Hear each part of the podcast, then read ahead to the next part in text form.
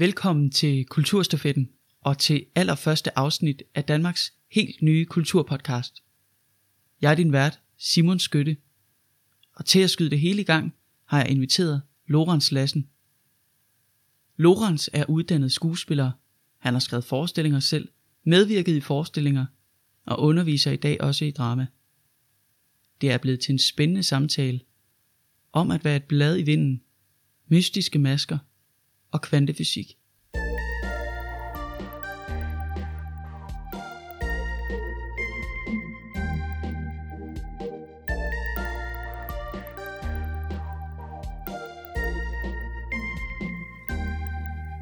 Velkommen til dig, Lorenz. Tak skal du have. Øh, jamen, allerførst så skal vi nok ikke lade det være nogen hemmelighed sådan ret meget længere, at vi to, vi kender hinanden ja. rigtig godt jo. Det gør vi. Du er jo, øh, du er jo min underviser nu, øh, og vi har lavet en forestilling sammen ved Herregårdsspillene. Ja. Og det var jo nok egentlig første møde, vi havde med hinanden, var det ikke? Øh, jo, det var faktisk det første, ja. Det var faktisk øh, noget Shakespeare der. Ja. Du havde været og se en forestilling året før, ikke, hvor jeg så Ja, spillede. det er rigtigt. ja, der er spillede rigtigt. du så også en prins der. Ja, der, der var jeg lige prins Charming der. Det Ja. var simpelthen fantastisk. Ja. Men øh, Lorenz, allerførst kunne jeg egentlig godt tænke mig at spørge dig om, hvordan du egentlig har det, og hvad du går og laver nu her for tiden. Det er jo et vanvittigt spørgsmål Ja, at stille et menneske. Hvordan har du det? Ikke? Fordi at, øh, det kommer an på lige præcis den vinkel, man ser det fra. Men altså, øh, jo, overordnet har jeg det godt. Og det er jo så taget i lyset af mit samlede liv, så har jeg det rigtig godt lige nu. Det vil jeg sige. det er jo dejligt. Det Ja, er fordi dejligt, man det øh, hvordan man har det, det er jo altid et spørgsmål, hvilken perspektiv man, altså perspektivet, ikke? Ja. Men nu kan man jo sige, du, du arbejder jo inden for skuespillerfaget. Ja, det gør jeg. Og lige nu sidder vi jo i en periode, der måske ikke er så præget af så meget teater lige nu, Nej, som udøvende skuespiller. nej. Det er Hvad, hvad får du så tiden til at gå med? Jamen, øh, jeg går meget derhjemme og, og i haven. Det gør jeg. Og så hjælper jeg nogle øh, elever, der søger ind til optagelsesprøver. Ja. Og der er masser af arbejde i det. Altså, man bliver måske nok overrasket over, hvor meget arbejde det egentlig er i. Og fordi nogle gange kan man godt, når man fx tænker på den danske scenekunstskole, man skal søge ind der, ikke? Ja. Og ja, ja du, vi havde jo også dig med til en af de prøver der, ikke? Det er lige, det, man skulle nogle gange tro, den bedste performance, du nogensinde skal lave, det er den dag, du skal ind.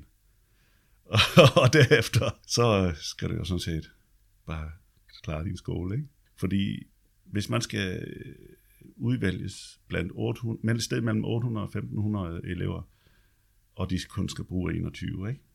så skal det jo sidde i skabet et eller andet sted, ikke? Så er det jo detaljen, det kommer an på det sidste. Ja, og det er jo så mange, der søger ind på skolerne. Ja, det er det, ja. Og det her, så er det skuespillerskolerne, du selvfølgelig tænker på, ikke? Ja, ja den, øh, så nu her er den danske scenekunstskole, ikke? Ja, Fordi vi også har fået musicaldelen med i, øh, eller de har Ja. fået musicaldelen med i Fredericia, ikke også? Men altså, jeg, jeg, hjælper også, jeg hjælper også andre, der skal øh, søge ind i teaterskoler i Sverige. Og hvordan er den proces? De, altså, nu har kendt jeg jo dig i forvejen, men har du også nogen, der kommer sådan udefra og spørger dig? Altså, dem jeg hjælper er uprægede øh, gamle flow-elever. Ja. Altså HF øh, flow. Ja, okay. Øhm, men Lorenz, hvis vi skal prøve at gå lidt tilbage i tiden, Ja. prøve at finde ud af, hvor er det egentlig, det hele det starter henne? Hvor langt skal vi så tilbage, før du får øjnene op for teater? Med rigtig øjne. Første gang, hvor, hvor jeg måske ligesom øh, øh, blev konfronteret med noget, det her med teater at gøre, der tror jeg, jeg går i 6. klasse. Jeg var en øh, ung, meget fjern gut. Faktisk har jeg senere fundet ud af, at øh, pigerne i klassen, de var ret vilde med mig, fordi jeg var så fjern, jeg var spændende. Men det fattede jeg ikke selv. Så det, jeg fik aldrig noget ud af det. Men, men, men, men øh, der gik jeg sådan og, og øh, i min drømmeverden. Jeg stod altid og kiggede ud af vinduet. Typisk var det, øh, jeg blev spurgt af læreren. Lorenz, hvad, hvad synes du om det? Øh, øh, og, undskyld, om hvad? Jeg anede ikke, hvad vi snakkede om, og det var meget, meget typisk. Sådan det foregik med mig. Jeg var som drømmer. Det var fjern. Og så var det en gang i klassen, hvor vi alle sammen blev spurgt, øh, hvad vil du være, når du bliver stor? Det var godt, nu er vi tilbage i 70'erne, ikke? Ja. Der spurgte man, hvad vil du være, når du bliver stor? Ja. Det er så ikke lykkedes mig at blive stor endnu. Men øh, der blev jeg så spurgt, og der gik klassen rundt, og der var jo dem, der ville være brandmænd, og der var dem, der ville være sygeplejersker, og det var dem, der ville være, som det nu er, ikke, og meget fornuftige mennesker. Og så blev jeg spurgt, og først så skulle jeg lige finde ud af, da læreren spurgte, hvad, hvad vi snakker om. Fordi det havde jeg selvfølgelig ikke hørt efter. Og så siger han, jamen hvad du vil være, når du bliver stor? Så sagde jeg, øh, skuespiller, sagde jeg så. Og det ved jeg ikke, hvorfor, men det kom bare til mig, at jeg vil være skuespiller. Og så grinede hele klassen jo. Øh, og de grinede, grinede, øh, indtil læreren så siger, nej, ej Lorenz, hvad vil du rigtig være? Siger han så. Fordi at det kan man jo ikke være. Det, det er jo faktisk sjovt, fordi det oplever, oplever jeg jo også i dag. Ikke? Ja, Altså, og nu skulle man jo tro, det var mere åbent i dag, end det var dengang i, i 70'erne, ikke? Men, ja, men det er jo lidt ligesom at, det er jo lidt ligesom at, man udstiller sig selv så meget, ikke? mm. så er det jo bare oftest, hvis du ligesom er anerkendt inden for det, så er der en eller anden vis form for respekt i dag. Men hvis du derimod ikke øh, kan levere varen, ja. så er det lige pludselig det, man nok vil kalde kikset, ikke? Jo, Og det er jo virkelig ærgerligt, fordi hvad er kunst og hvad er teater så lige på det punkt, ikke? Lige præcis. Jeg har sådan gået og studeret, set mange mennesker, også tit min egen opførsel, fordi øh, der var en, øh, der blev, det blev teenager, der blev sådan en, en, øh, der fandt jeg lynhurtigt ud af, hvordan jeg kunne få noget værd. Ikke? Fordi jeg, jeg rendte rundt med meget stort mindre værd. Øh, men det kunne jeg ved at klovne, altså ved at lave pis og tage fis på folk, når vi gik i byen. Ja. Altså være sådan rod, sådan, Ja, jeg var jo noget af en råd. Ikke? var noget af en altså, rod. jeg gik i sådan en... Øh, altså, vi var sådan en vandeflok, der rendte rundt og, og lavede noget, jeg ikke skulle sige i radioen. Ikke? Men altså, herværk og alt muligt pisselort. Ikke? Øh, Og det var bare det miljø, jeg nogle gange kom i. kunne du lige at være i det miljø? Øh, nej, men det var jo ikke spørgsmål. Fordi hvad jeg kunne lide, det, det var jo ikke blevet, var jeg jo ikke blevet spurgt om. Altså, det var sådan, det var. Ja, du blev bare hævet med ind i det, og så var det Ja, ligesom og der- som sagt, jeg var sådan en drømmetype. Ikke? Altså, jeg, var sådan, jeg gik meget og drømte. Og, og, og jeg kan huske, jeg havde, jeg havde en rigtig god ven i folkeskolen. Øh, altså, der hvor jeg kommer fra, det er Løjtland, ikke? Der er, altså, så det var sådan en, en stor skole faktisk, fordi det var hele oplandet. Øh, jeg tror, vi var 600 elever eller sådan noget. Så det var faktisk en meget stor skole. Men, men, øh, men det var sådan meget bønder. Og min ven der, hans far var arkitekt. Han- Han var noget anderledes.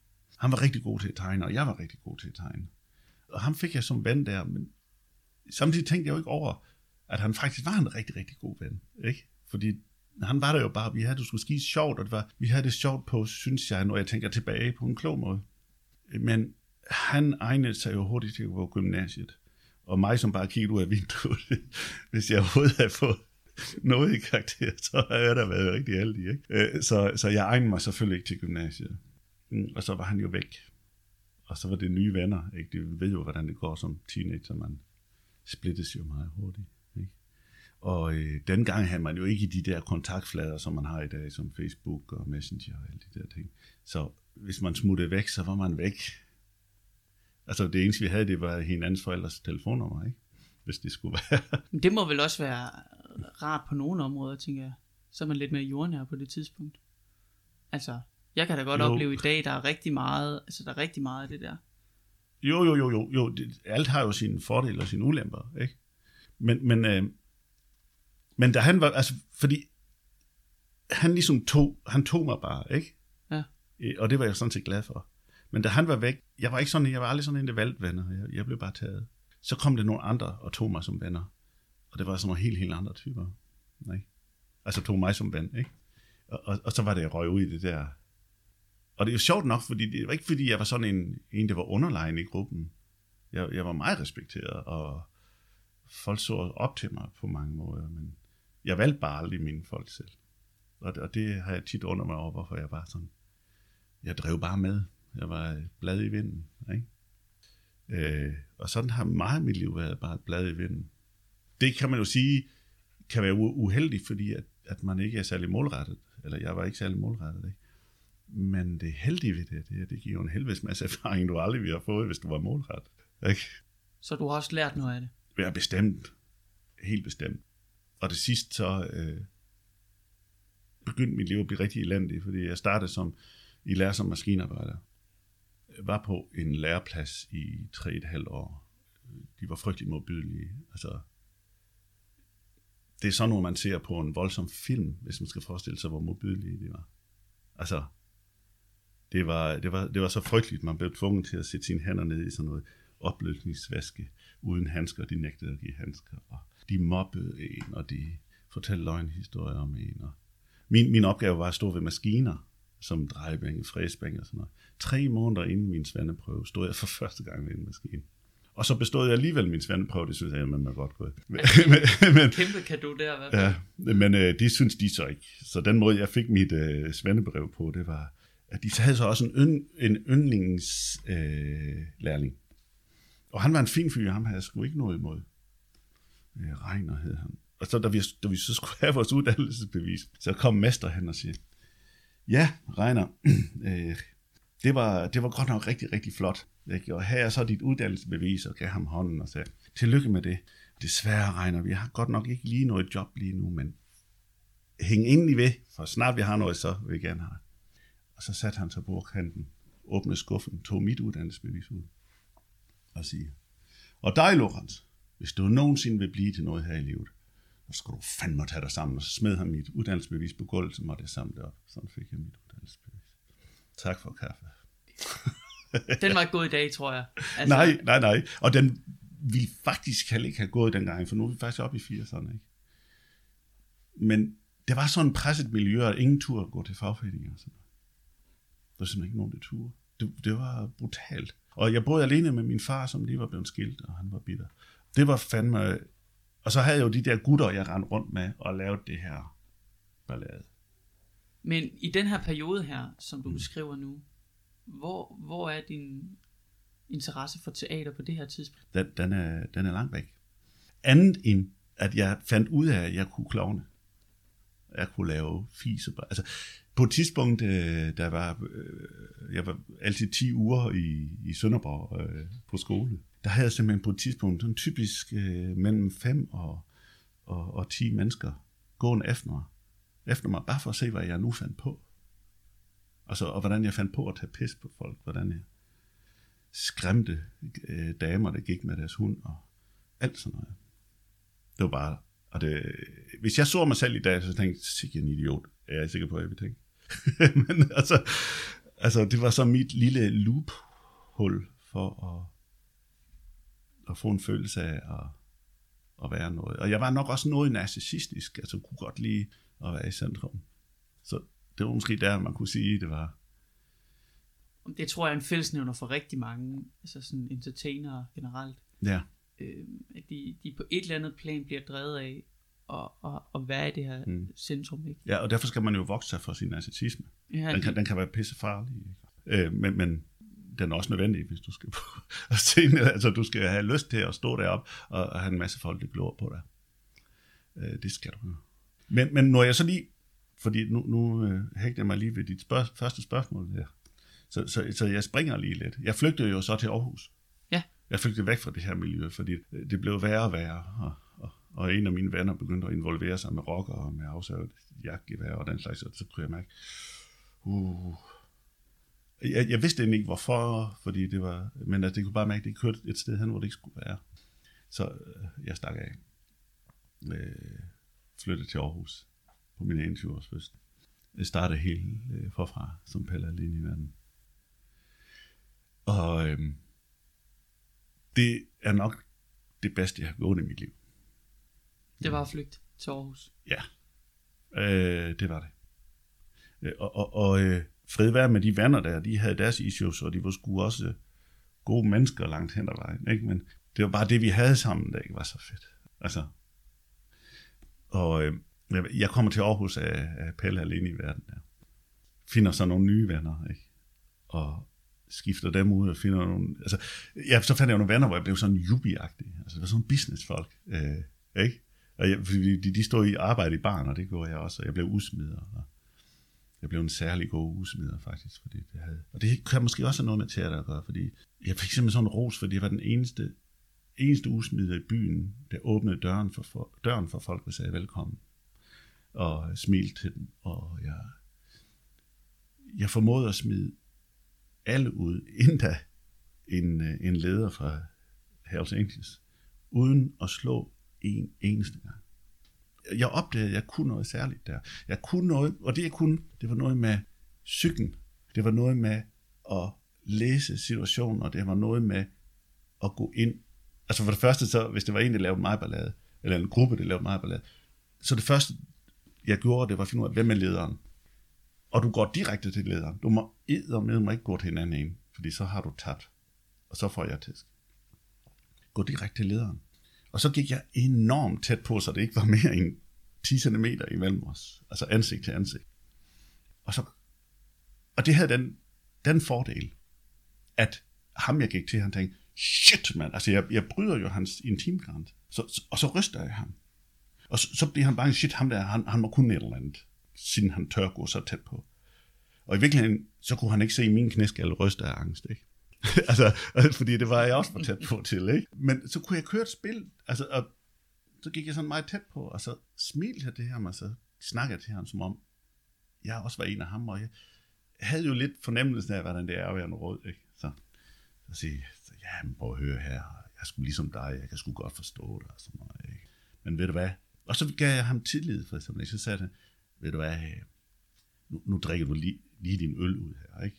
Og skal vi sige et kvarter eller sådan noget. Så, fordi det går ikke det her. Det er mig, der styrer det her sted. Skal vi ikke lige... Som om det var lavet sådan lige, vi lavede skulle lige en del. Også to cool mennesker, ikke? ikke? Du er lige så stor som mig, viste jeg ligesom, ikke? Og så, så, og så viser ham, så går jeg, så viser ham til. Ikke noget med at tage fat i ham eller sådan noget. Fordi det er med sådan nogle bøller.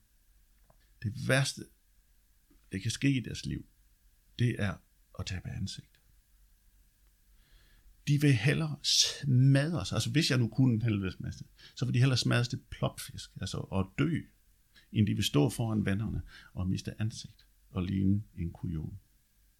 Og kujon i deres verden, det er jo en, der ikke tør slås. Og så viste jeg ham, jeg, jeg, jeg gav ham en chance til at gå, uden at tabe ansigt.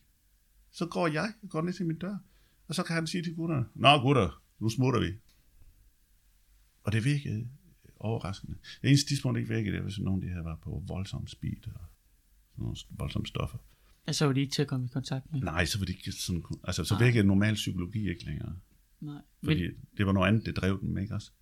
Det vil også sige jo, at du så faktisk har kunne tage rigtig meget fra det, du egentlig faktisk flygtede fra. Fordi havde du nok ikke oplevet det, så havde du måske ikke kunne tage det på samme måde. Nej. Øh, der i døren i Aarhus, vel? Nej, nej, nej, nej, nej, nej helt bestemt. Altså, men, men jeg opdagede også, at jeg havde et særligt talent for det der. Og og det var faktisk det samme, jeg brugte, der rendte rundt og klovnede. Ikke? Altså, fordi der skal du også bruge sådan, hvor er folk henne, og øh, hvor er deres grænser. Altså, jeg overtrådte jo alles grænser. Men du skal jo, hvis du skal overtræde folks grænser, så skal du jo være, så skal du fornemme, hvor de er henne. Ikke? Altså, ellers skal det gå helt grueligt galt, ikke? Og det skal jo gå galt for dem, og ikke for mig. Ikke? Det var jo dengang det, det var vigtigt. Ikke? Så jeg havde åbenbart sådan en eller anden fornemmelse, og hvor det kommer fra, jeg, jeg ved det ikke. Men, men øh, det har bare altid haft det der fornemmelse af, hvor folk er henne. Og det er jo sjovt nok, taget i betragtning af, at jeg var så fjern som barn, og aldrig fattet, hvad det for. Jeg fattede aldrig, hvad det foregik omkring mig. Og så pludselig kunne jeg gå ud i verden, og så kunne jeg sådan forstå folk, hvor de var henne sådan rent psykologisk set. Ikke? Og det, det, det undrer mig stadigvæk, hvordan jeg kunne lave det der shift der. Men kunne du så, fordi nu, nu tænker jeg dig lidt som en, en menneskekender på det her plan, ikke? Tak skal du have. Ja, da, det var virkelig flot. Da du opdager det, hvordan omsætter du så det til noget, du så kan bruge videre frem? Ja, men fordi så sker der jo det, som jeg siger, at der, der jeg arbejder som udsmider, der opdager jeg en side af mig selv, ikke? Så hvor jeg så kunne bruge det professionelt. Og så, øh, og så havde jeg sådan nogle øh, Jubi-venner, som det, Jubi hed det dengang. De gik i sådan nogle cutting kurser, og de tænkte kun på business, altså det handler om at tjene penge. Altså hvad, hvad de snakker om af forretninger. Og hvis det er noget, jeg ikke har forstand på, øh, så er det nok sådan noget økonomi. Noget. Ikke? Men øh, det var jo alligevel sjovt at være sammen med dem, øh, fordi de, øh, de åbner jo surfforretninger, og det handlede jo om at komme ud og surfe, og det var meget hot der i 80'erne. Ikke? Og, det handler om alt sådan noget. Du ved, de rige drenge, de rige folks børn der, ikke? De, de skulle jo ud og have sjov, ikke? Så det var sjovt, det var en sjov tid på en måde. Og efter det, så, så startede jeg et helt andet, så startede jeg som gardinsælger, ikke? Fordi en af de der rige folks børn havde, øh, far havde det der gardinfirma der.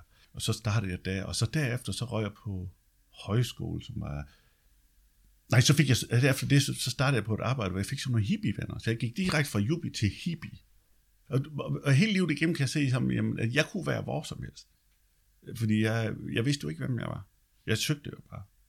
Ikke? Og så havde jeg sådan nogle hippie-venner, hvor det, altså hvor, hvor de bryggede selv deres egen øl, som man ikke måtte fornærme. Og så skulle og så øh, øh, fyret fede, ikke? Og, og det var sgu bare... Øh, de arrangerede, de boede i sådan, sådan en gård, og så var det sådan en søstergård, hippie søstergård lidt længere hen. De arrangerede festivaler, og der var sat med, med, med rock, og, og det var fandme, det var også bare sjove tider, ikke? På en helt anden måde.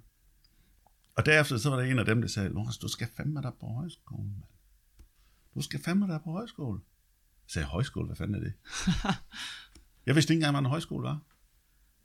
Det var vel heller ikke det samme dengang, som det er nu? Vel? Nej, det var meget bedre jo.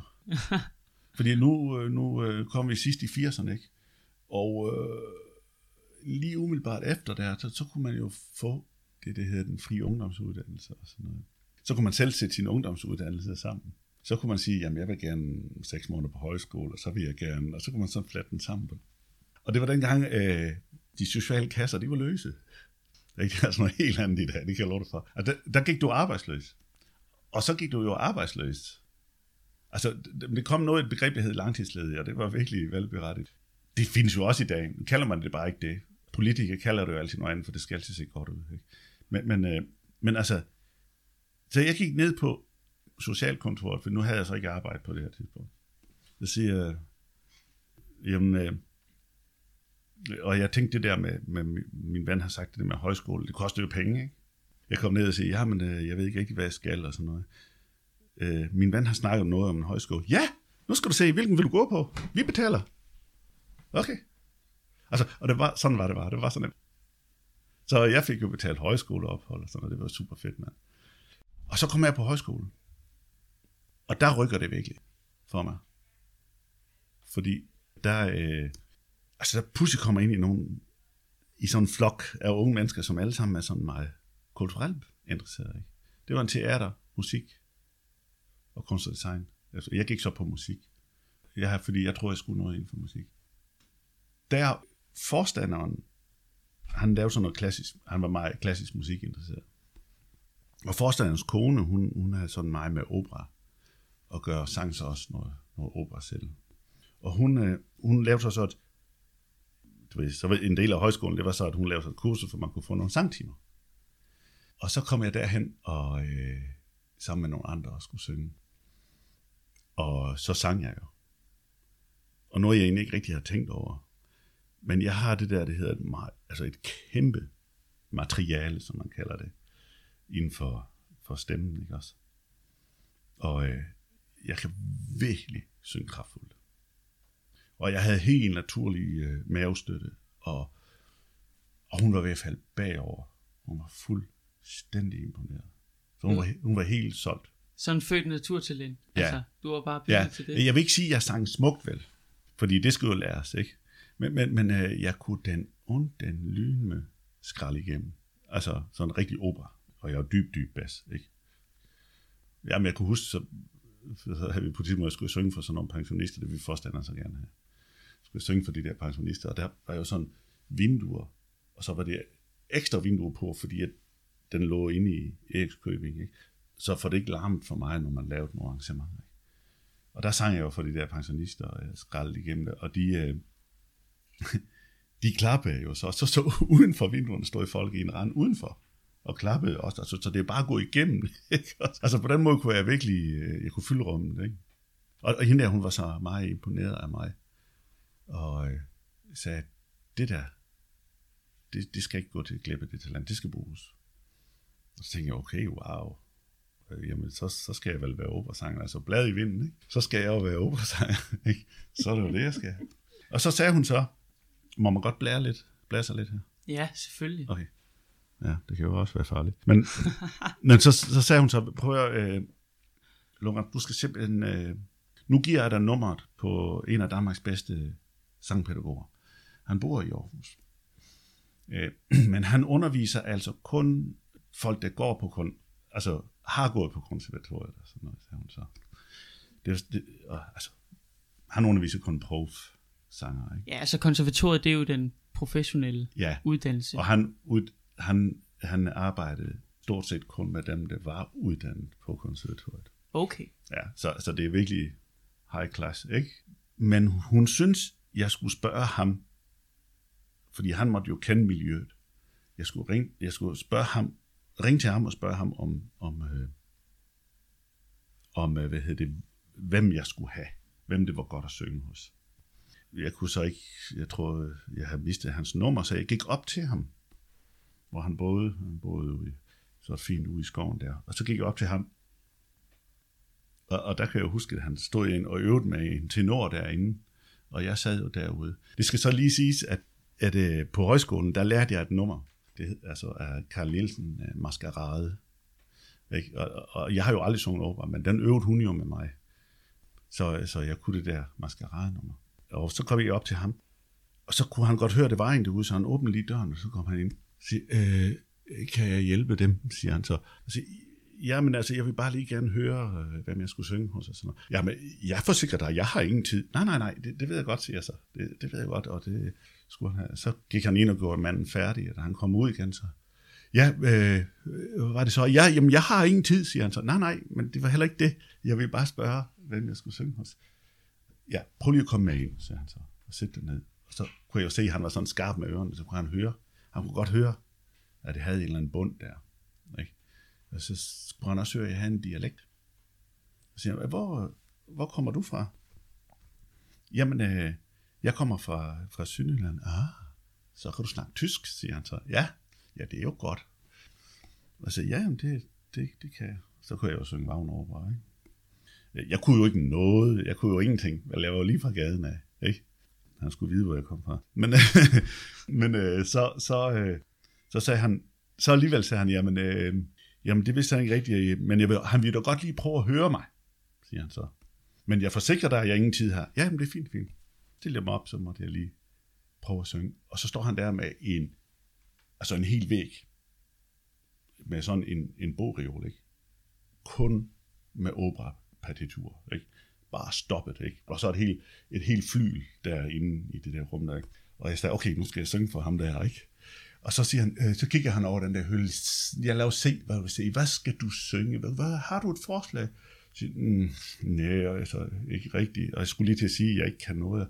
Og så kigger han op ad den hylde dernede, og så siger han så, hvad med den her Carl Nielsen maskerade? Jo, det kunne vi da godt. det er fucking det eneste, jeg kunne. Hvor heldig har man lov til at være. Ikke? Du har bare ramt plet lige der, så. Jamen, jeg er jo bare så heldig, ikke? Altså, at, at han vælger den for mig. Og så synger jeg så, og selvfølgelig alt, hvad jeg kan. Og han sætter sig til klaveret, og inden han spiller, siger han, jeg forsikrer, der er ingen tid her. Nej, nej. Så spiller han, og der, jeg har så sunget spillet færdig. Så tager han sin kalender. Hvornår kan du? Og så begyndte jeg fandme at synge hos ham, ikke? Altså, det var bare Det jo fuldstændig fantastisk. fantastisk. Og så gik jeg så der, øh, jeg tror, jeg var ved ham 6-9 gange eller sådan noget. Og jeg blev dårligere og dårligere og dårligere. Altså ikke, ikke dårligere til at synge, men altså jeg, jeg, jeg, jeg blev skidt. Jeg fik det dårligt. Du havde det godt med at synge. Selv? Jo, godt med at synge, men jeg gik psykisk ned simpelthen. Og det kunne han godt se, så sagde han en gang, skal vi gå ud og snakke? Ja, så, og så sagde han, skal vi have en pause for det her? Ja, altså. Jeg skulle lære noget, og hver gang jeg satte mig hen til et klaver for at lære noget, så faldt jeg i søvn, og jeg, kunne, jeg blev helt svimmel, og jeg, jeg, men det gik sindssygt godt, fordi jeg fik også lov til at synge i konservatoriets kor, tænk det. Øh, sang vi i Carmen og sådan noget, og dem fra konservatoriet, de væltede hen til mig og sagde, wow, hvor fedt mand med den stemme. der." Og han siger, men jeg kan ikke noget, jeg kan ikke spille klaver. Åh, det er da pisse nemt, siger, det lærer du hurtigt. Men alt det, hvad de havde nemt med, det kunne jeg ikke. Og alt det, som de drømte om at have, det havde jeg. Jeg havde bare sådan en stemme.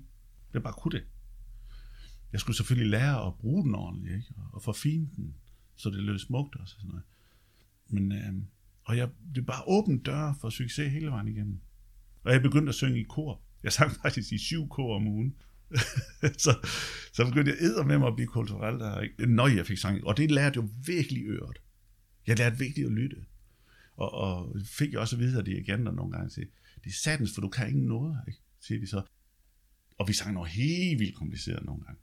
Altså så, Per Nørgaard og sådan noget sindssygt, hvor de skifter takter der hele tiden og sådan noget. Ikke? men han, min tid sagde min igen, det, det er helt vildt jo. Altså, du synger det her kompliceret noget, og så falder du ud. Og så falder du bare ind igen. Hvordan fanden gør du det, siger han så. Det ved jeg ikke. Altså, jeg brugte jo bare øret. Fordi, og jeg havde måske den fordel, at jeg ikke kunne noget. Fordi jeg kunne kun bruge øret. Det var det jeg havde. Så måtte jeg høre, hvor de andre var henne, og så bare ults, ind igen. Ikke? Ja, du har kunne bruge øret til at Ja. lytte dig til, hvornår du skulle. Og jeg trænede jo virkelig, ja, nemlig. Ja. Og jeg trænede jo virkelig mit øre ved at synge i syv forskellige kor om ugen. Ikke? Jeg gjorde det ikke andet end at synge kor. Altså, det var fuldstændig vildt, ikke? Og det gjorde jeg sgu alligevel i et par år, tror jeg. Øh, og alligevel lærte jeg aldrig noget. Altså, det, det er jo klodset. Men, øh, men, men øh, jeg gik som sagt meget psykisk ned, og der startede jeg så også i terapi. Psykolog. Ja, det gjorde jeg. Og det var ikke for sjovt, det var nødvendigt. Altså.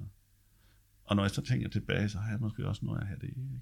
Altså, øh, fordi jeg vidste jo ikke, hvor det kom fra, det der med, at jeg bare ikke kunne, hvor jeg bare blev svimmel og sådan noget. Så jeg droppede fuldstændig sangen på et tidspunkt. Så stoppede det totalt med at synge. Og så gik jeg der, og så, blev jeg, så gik jeg arbejdsløs rundt derhjemme. Og jeg har haft mange forskellige arbejder. Det er helt sindssygt, så mange forskellige slags arbejde, jeg har haft.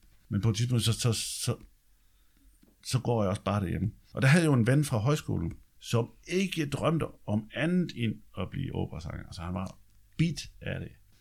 Og han var tenor, og jeg var dyb bas. Og, øh, og så sang jeg så, som, og så, så stod vi derhjemme og sang for sjov nogle gange. Og så synger han det højeste tone, han kan, og så kan kræfte med en tone højere, end han kan. Ikke? Og det var han jo også bitter over. Ikke? altså, det var, altså, jeg kunne et eller andet med den. Jeg havde bare sådan, at jeg var bare, altså, og det er, jo ikke, det er jo ikke min fortjeneste. Altså det, jeg kunne med stemmen. Det er jo ikke min fortjeneste. Det er jo født med. Ja, det kunne have været hvilken som helst Ja, anden. lig, ligesom et menneske, der er født med en høj intelligens, det er jo, ikke- deres- de er jo født med det. Ja. Ikke? Ligesom en, der er født med, altså hvis du nu skal være, øh, hvad kan man sige, basketballspiller, ikke?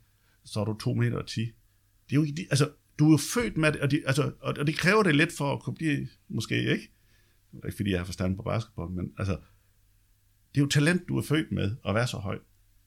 Og jeg er så født med det der, så det er jo ikke min fortjeneste på den måde, kan man sige. Det er jo ikke noget, jeg har knoklet for. Det er jo bare noget, jeg havde med. Men kan du æve dig over, at du ikke fortsatte i den retning? Det har jeg gjort meget. Men når jeg tænker tilbage, så kunne jeg ikke andet. Så skulle, altså, det har været sådan en hård kamp, ikke? Og jeg ved ikke rigtig, hvad det vigtigste var, men jeg, jeg gik i hvert fald, jeg, nu skal jeg igen tilbage til det første spørgsmål, jeg egentlig stille. ikke? Jeg gik så derhjemme, ikke? og ham der fra højskolen der, som, som gerne ville, så sagde han så, at øh, jeg skulle starte, han synes, jeg skulle starte på en teaterskole. Han gik på en teaterskole, der hed Michael Chekhov Studie. Nu kommer det, nemlig kan du høre noget nærmere om os. Han gik på en teaterskole, der hed te, øh, Michael Chekhov Studie. Og det var han meget imponeret over. Han sagde, det, det, det skal du, du skal, du skal fandme komme ned og se, hvad vi laver. Det skal du altså. Og jeg sagde, ja, ja, men det, det skal jeg nok. Det kom jeg jo ikke. Og så besøgte han mig igen. Jeg sagde, Lorenz, Lorenz, du skal fandme ned her og se, hvad vi laver. Kommer du ikke ned? Jo, jo, det skulle jeg nok. Åh, det kom jeg jo ikke. Der var kommet sådan en periode i mit liv, hvor jeg begyndte sådan, fordi jeg var begyndt meget i terapi, så jeg begyndte at blive meget introvert, ikke? Og så alt udenom det, det ravede mig en skid. Og han blev ved med det der. Kom nu, og sådan, ja, han skal nok. Og så en dag, så kom han så. Lorenz, øh, næste weekend, der er et kursus, siger han så. Og øh, det skal du komme til. Jeg har meldt dig til. Okay, ej, ej, captain. Det kunne jeg så forstå. Og jeg kan også godt forstå, at han blev træt af mig, og jeg altid bare sagde, ja, og ikke kom. Så sagde jeg, okay, men det var da jo, det var noget, jeg kunne forstå det der, ikke? Så, jamen, det gør jeg så. Og jeg sagde, jamen, så møder jeg bare, vi skulle bare møde op der. Det gjorde jeg så. Mødte jeg op den fredag der. Og så var jeg med til det der kursus, weekendkursus der. Øh, jeg kom vist lidt for sent, tror jeg. Så jeg hørte ikke introen. Men, men øh, jeg, jeg, så var jeg med til det der weekendkursus. Øh, og folk, de var vildt opsatte. Jeg tænkte, wow, fedt det her, mand. De er jo, de er jo helt op at køre, mand. Det, det er jo god energi, ikke? Og, og så hele lørdagen også, og, og så om søndagen også. Og jeg tænkte, hold nu kæft. Jeg snakkede ikke med så mange, men, øh, men det var fedt at være med til det kursus der.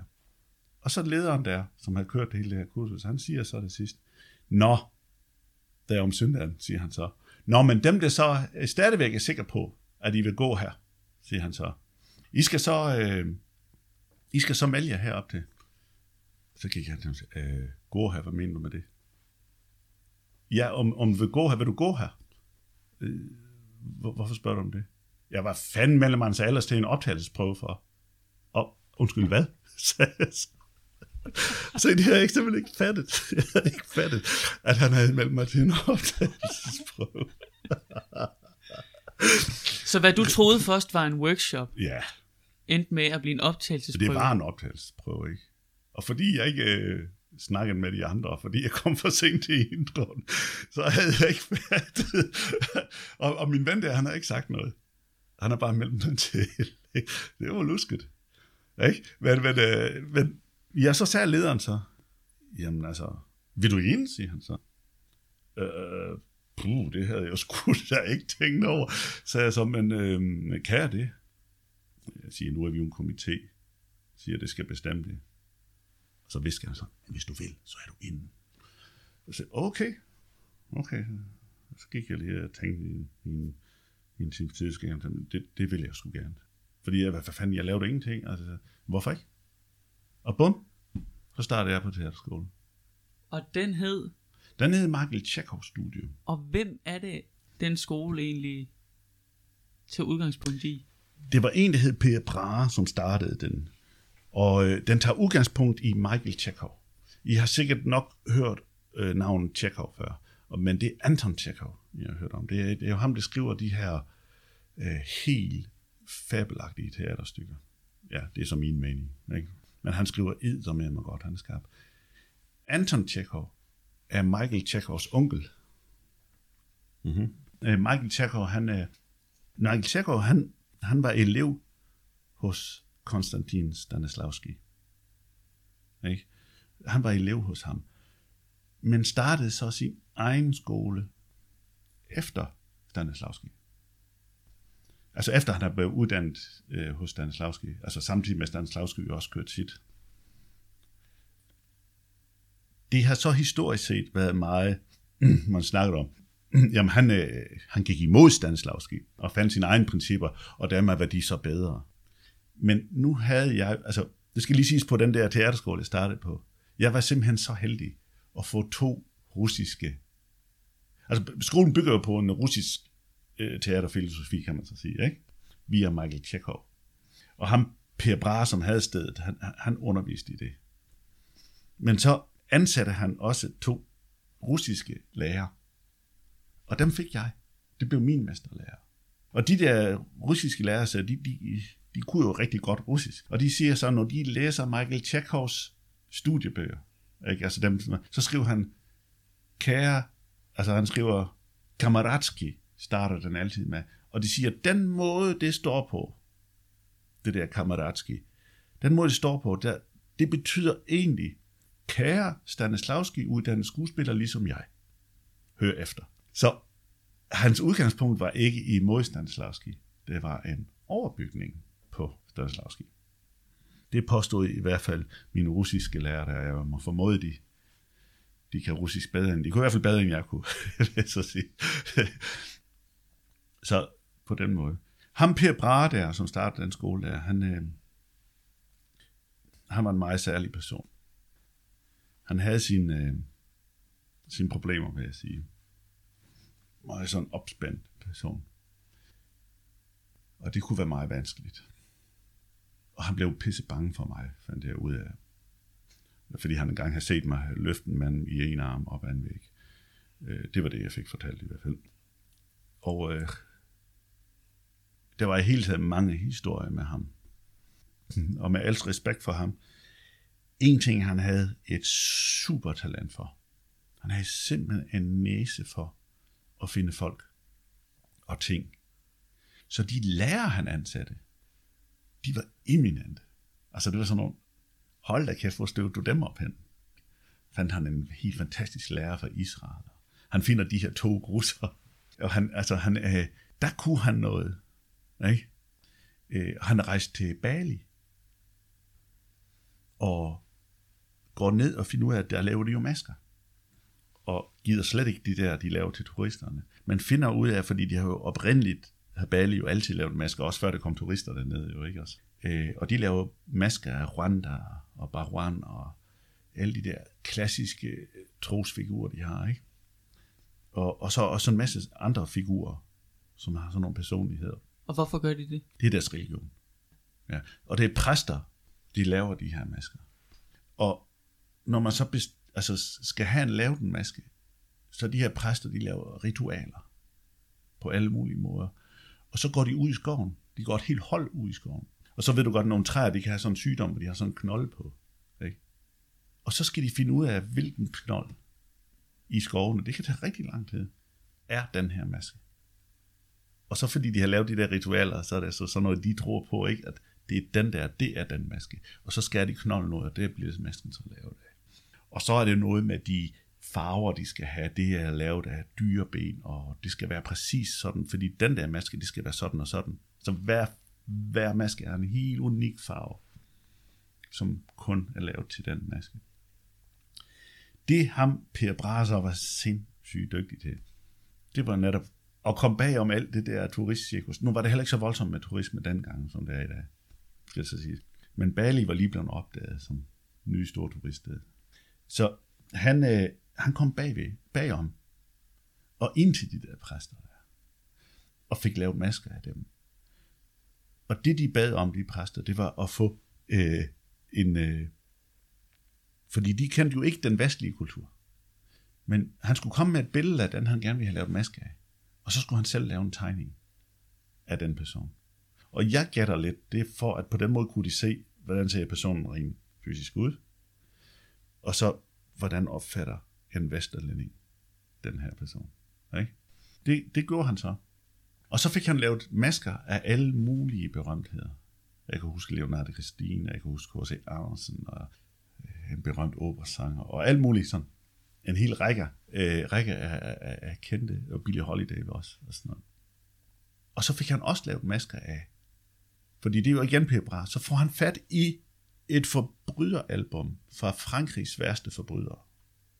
Altså sådan nogle virkelig de vildeste mordere, massemordere og ekstreme voldtægtsforbrydere og sådan noget. Et eller andet sted i Frankrig, han tager det Frankrig, og så får han fat i, i sådan et, et billedarkiv af de værste forbrydere, der har været i Frankrig. Hvor fanden får man fat i sådan en? Det er kun politiet, det har sådan noget, ikke? Det får han fat i.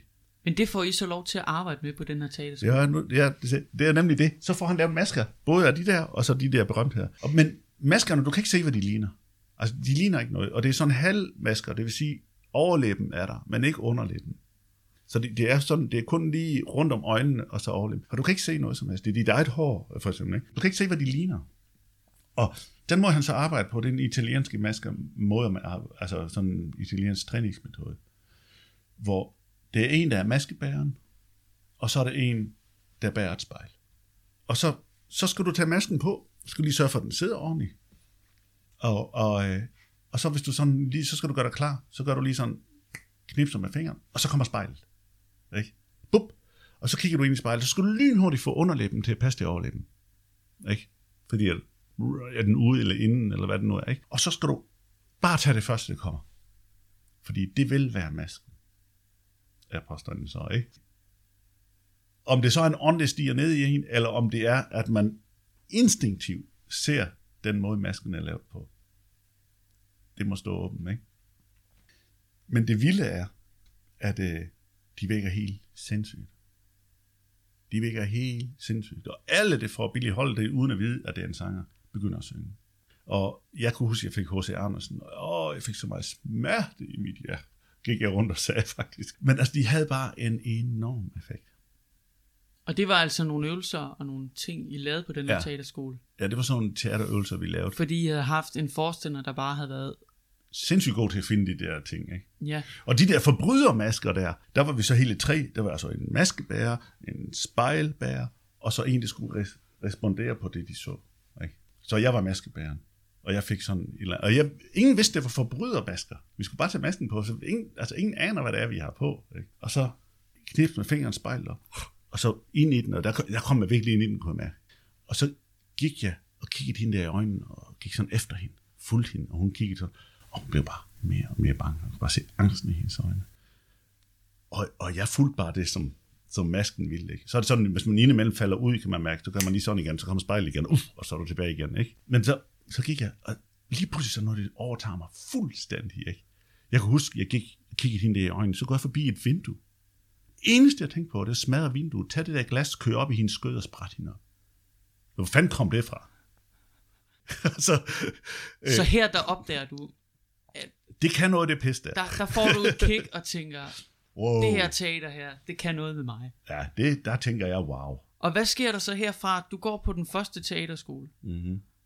og så kommer du på den anden teaterskole. Ja, det vil sige, jeg går på, den er jo tre år i den første teaterskole, ikke? Og efter to og et halvt år, det er sværere, fordi ham, forstanderen, han, det var svært at være tæt på ham. Altså, med, selvom jeg respekterer ham meget, så, så havde han altså sine problemer, som han ikke havde fået bearbejdet. Og, øh, og det, det, det var ærgerligt, fordi han kunne sgu noget, ikke? Også. Men der havde jo så de der to russiske lærere, og de havde så også fået nok af ham. Og de blev så enige om at starte en ny teaterskole. En helt ny en. Sammen de to russiske lærere.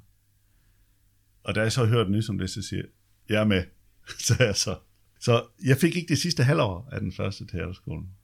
Det kunne jeg selvfølgelig godt have valgt at gøre. Men jeg sprang med de andre der. Og så skulle jeg så starte, altså være med til at starte en ny teaterskole. Så jeg var med til at starte den op. Den kom så til at hedde Teaterstudio. Og skulle køre mere på Stanislavski-principper. Jeg får den startet op, og øh, sammen med dem, altså med ud at hænge plakater op, og, og, og jeg var med til optagelsesprøve,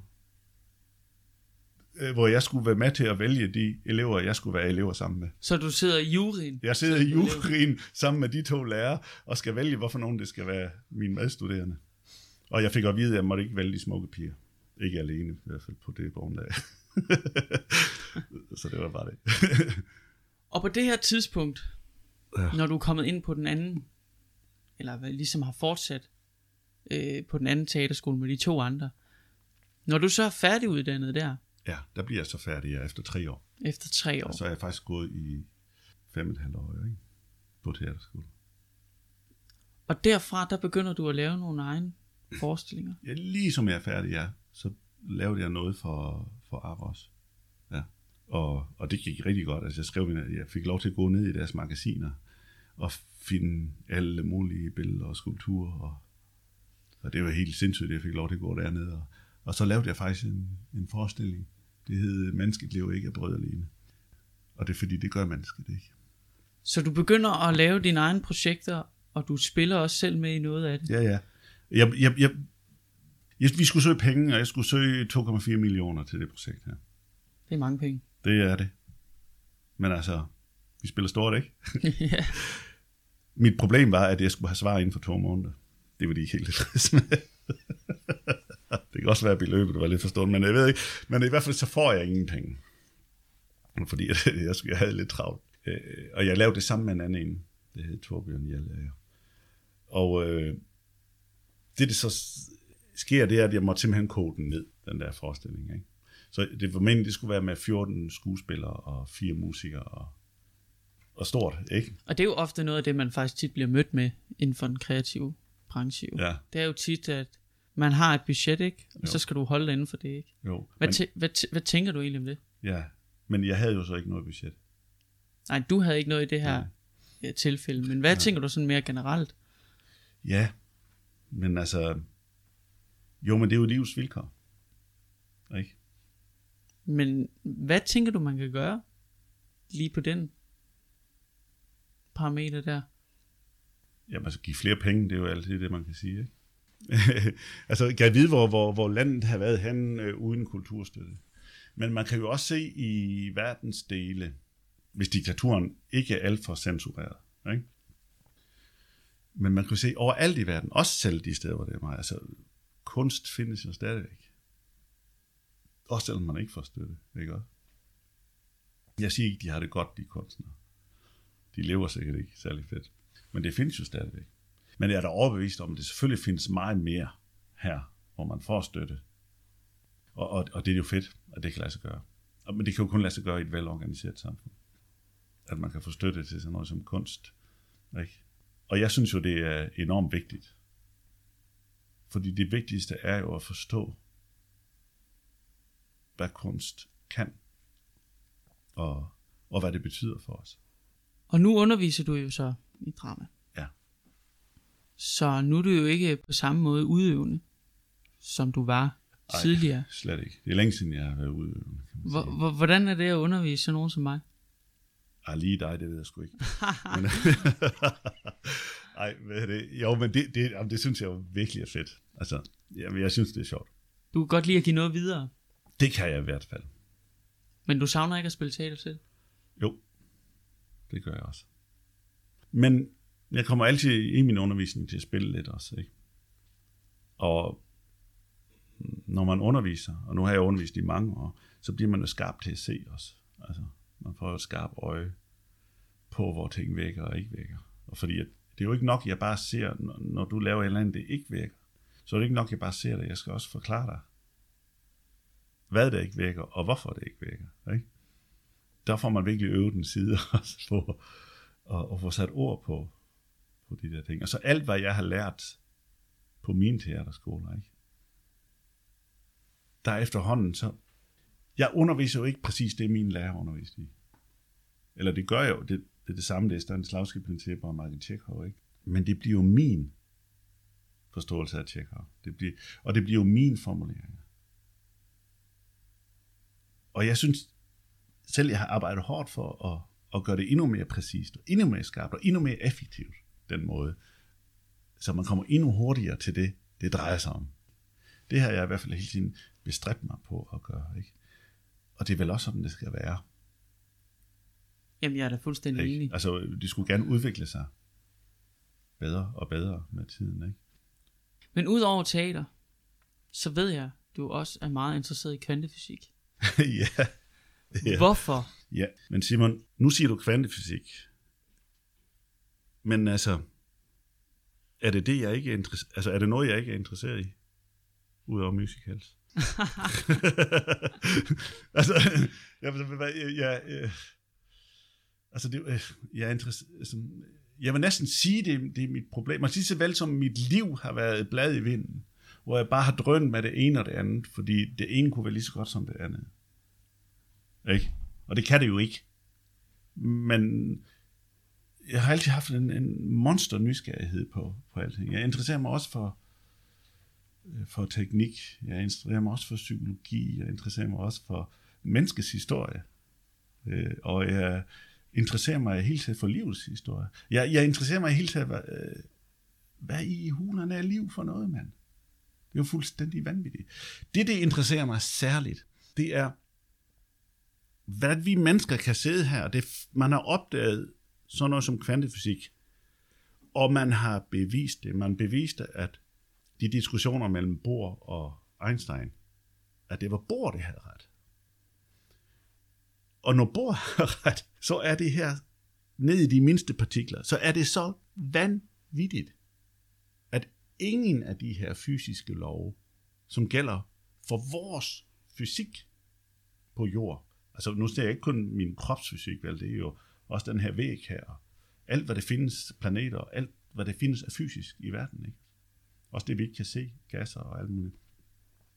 De lov, de gælder ikke, hvis du går ned i den mindste partikel. Vel at mærke, den mindste partikel er i alt, som eksisterer. Vi er bygget op af disse mindste partikler. Det er du også. Og det er den brille, du har på os. At, at vi kan sidde her og tænke, og, og, og, og, og tage det roligt, det er jo næsten umuligt at forstå. Fordi det her det er jo helt vanvittigt sindssygt.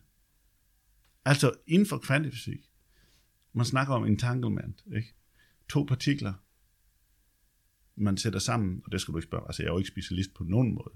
Jeg er bare en, der snuser lidt til det og er interesseret. Og de, de, de kører rundt om hinanden, og så er de entangled.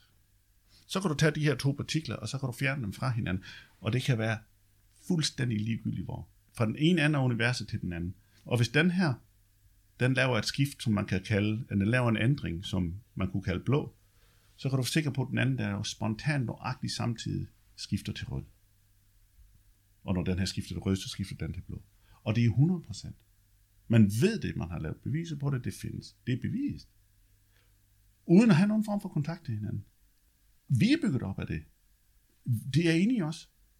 Og øh, hvis det kan lade sig gøre, og det kan det, det ved vi, det er bevist. Det er også bevist, at øh, det, der hedder superposition, også er sandt. Altså, og det kommer jo af, at man, man kunne simpelthen ikke forstå, hvordan en bølge kunne være en partikel, og en partikel kunne være en bølge samtidig. Men inde i det mindste, der kan det. Det er både partikel og bølge, som er to forskellige ting. Samtidig. Og, og, og det er fysisk umuligt, men det foregår ned i de mindste partikler. Det vil sige, det er inde i dig, det er inde i mig. Sige, jeg, er, jeg er dig samtidig med, at du er mig. Kunne man måske filosofisk, hvis man tager den lidt filosofisk, sige, det er sandt. Det vil også sige, hvis vi er entangled, hvis, hvis det er en, øh, en, en partikel i dig, som bliver tænket med en partikel i mig, så vil vi altid for evigt have kontakt, uanset hvor vi er henne, uden at have nogen telefonkontakt eller noget. Ikke? Det lyder i hvert fald spændende, Lorenz. Det er jo fuldstændig vanvittigt spændende.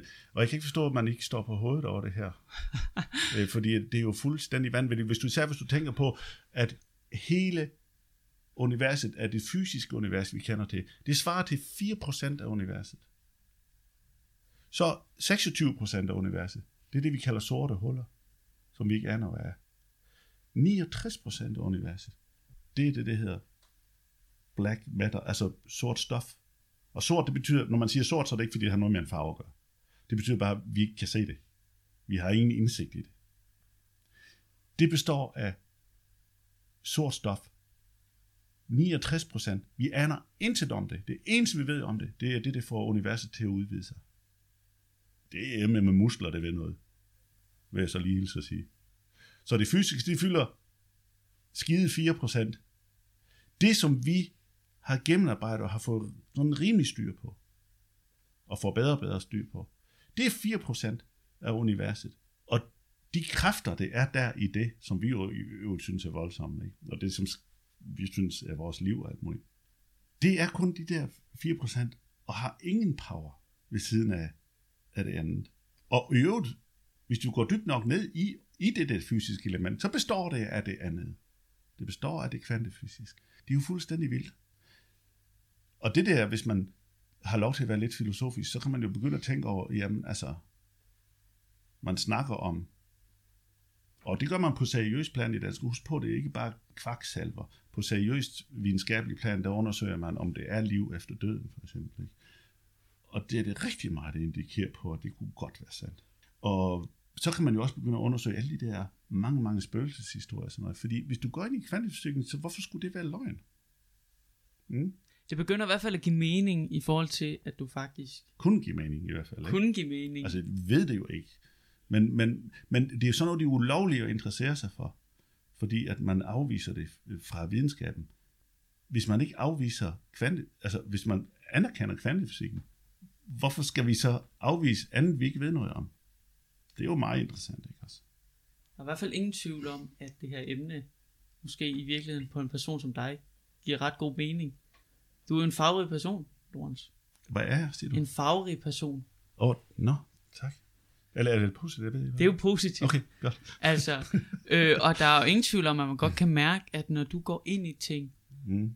så går du virkelig også ned i, ned i det, og virkelig dyrker det. Mm. Ja, men jeg, jeg kan jo sige, at øh, jamen det, det kan jeg godt sige. Mit problem i livet, det er, jeg har aldrig valgt, hvad jeg egentlig vil. Og så, nu blev det så meget teater, men det er på en eller anden måde en tilfældighed, ikke? altså, men, men jeg har aldrig sådan rigtig valgt, hvad jeg vil. Men en ting, er altid sikkert, øh, oplever, når jeg oplever mig selv, når jeg går ind i noget, så går jeg ind. Altså, så vil jeg gerne, det, jeg, mm, jeg vil altid lede efter essensen af det her. Hvad er essensen af det her? Hvad er det fundamentale i det, jeg går ind i her? Hvad er den dybeste mening i det? Og det er sådan set ligegyldigt, om jeg interesserer mig for kvantefysik, eller om jeg interesserer mig for, for teater, eller om jeg interesserer mig for, for psykologi, eller jeg interesserer mig for at finde en kæreste. Hvad skal det til for, tænker jeg så? Hvad er det mest fundamentale? Hvad er det vigtigste i at finde en kæreste? Hvad, hvad er meningen med det? Hvad skal det egentlig til? Fordi kæresteforholdet er enormt tit fyldt med bare konflikter. Ikke? Hvordan kan det give mening? Jo, det er fordi, altså egentlig, helt grundlæggende, et kæresteforhold handler om, vi skal have det godt sammen. Meget, meget simpelt. Egentlig helt uhyggeligt simpelt. Vi skal have det godt sammen. Men det er de første kærestepar, der kan skrive under på, at det er det, der foregår hele tiden. Ikke? Men hvad er så den dybere mening? Jo, du har en ultimativ chance for at lære dig selv at kende. Fordi du bliver i den grad in the face konfronteret med dig selv. Og næste gang du gør det, det er nu du får børn. Det er så fundamentalt direkte afspejling af, hvem du har, hvem du er. Ikke? Og man kan næsten sige, at når du er rigtig irriteret på dit barn, altså, så det dit barn får dig til at føle, det er sådan barnet har det. Det er lige før, man kan sige det. Og, og, og det har altid interesseret mig at gå ind i, og så finde ud af, altså hvad er det egentlig, der foregår? Fordi det synes jeg er det vigtigste. Men du var lidt inde på før, at du måske i virkeligheden så kunne ind på en anden hylde. Så føler du, hvis du kigger tilbage derfra, hvor du er nu, at du egentlig er landet meget godt på den her teaterhylde? Øh... Som dit levebrød? Ja, altså lige så vel det. Jeg vil gerne have været forsker. Også. Men via min skolegang og sådan noget, og via at jeg ikke kan regne, og mange ting, ikke? så har jeg aldrig gjort mig kvalificeret til det, hvis du forstår. Altså, og, og det er jo ikke... Jeg har tit diskuteret med folk på universitetet og sådan noget. Så jeg kan godt se egentlig, at den måde, jeg tænker på, er ganske fin til at være det. Men de der rent basic ting, altså sådan noget som, du skulle nødt til at have den der øh, universitetsuddannelse, ikke? Ja. og jeg har jo ikke engang en HF, vel? Kan jeg vide, om jeg overhovedet kunne bestå en HF?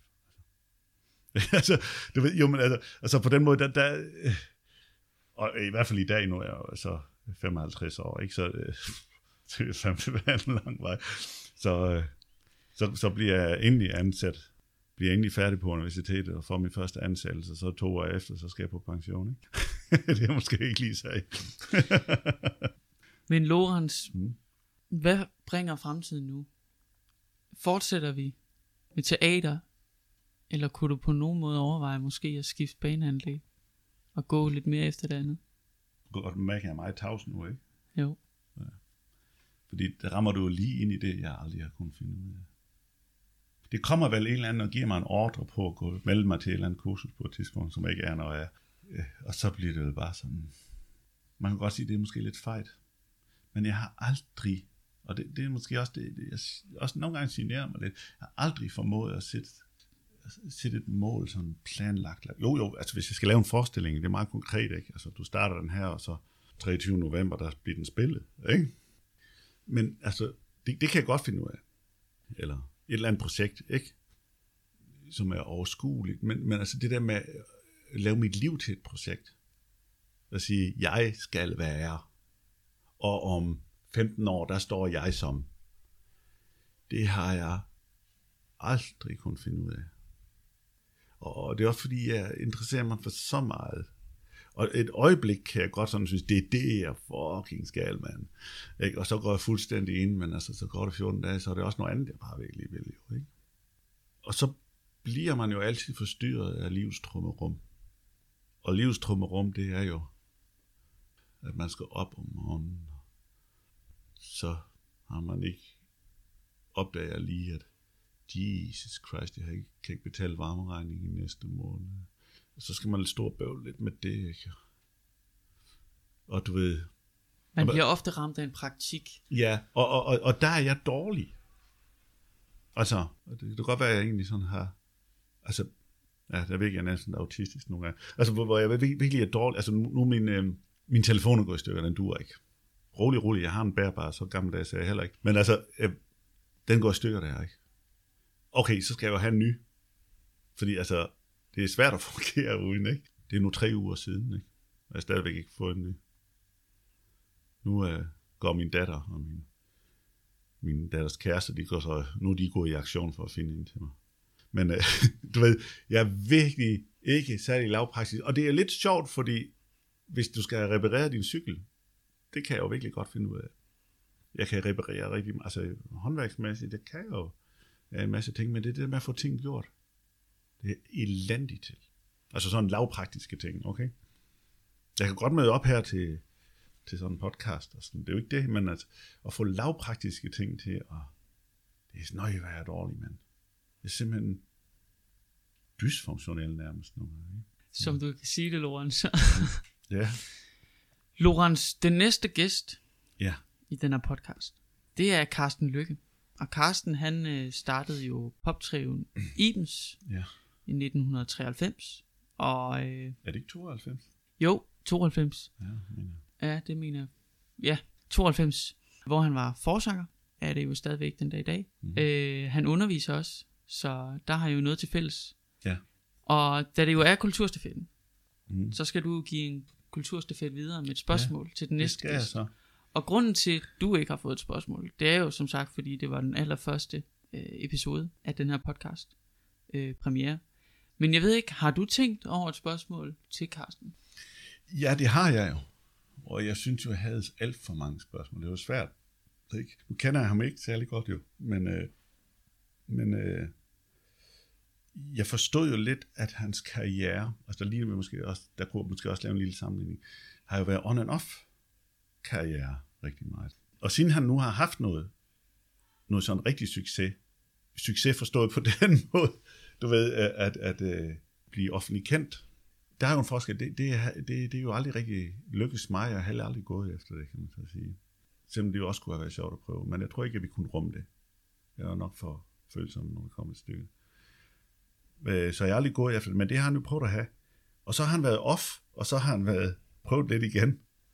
Og, og så har jeg off igen, og så er jeg ingen gang til. Altså man, som jeg forstår på medierne, så er de blevet ret overrasket, hvad fanden kommer det en for dem igen nu? Altså, øh, så derfor øh, kunne det måske være et passende spørgsmål at spørge, om øh, han har oplevet bitterhed, og om i, i så fald, hvordan han håndterer sin bitterhed. Og lad det blive de øh, sidste ord for den her podcast episode. Sidste ord skal være bitterhed. Jeez. Nej, men et øh, mange tak, fordi du vil komme, Lorenz. Yes. Det har været en fornøjelse. Ja, men det er i lige måde. Øh, vi kunne jo snakke om meget mere, øh, men det er også noget, der hedder tid, har jeg forstået. Skal vi gå ind i kvantefysikken omkring tid? Nej, vi ikke. det er fint, Vi Lorenz. lader den ligge der. Tak for det. Selv tak. Kulturstafetten, en Green Dog podcast. Redaktionen bag Christian Botoft, David Laumann Hansen og Simon Skytte. Musik af Carsten Lykke og logodesign af Peter Dam. Lyd og mix af David Laumann Hansen.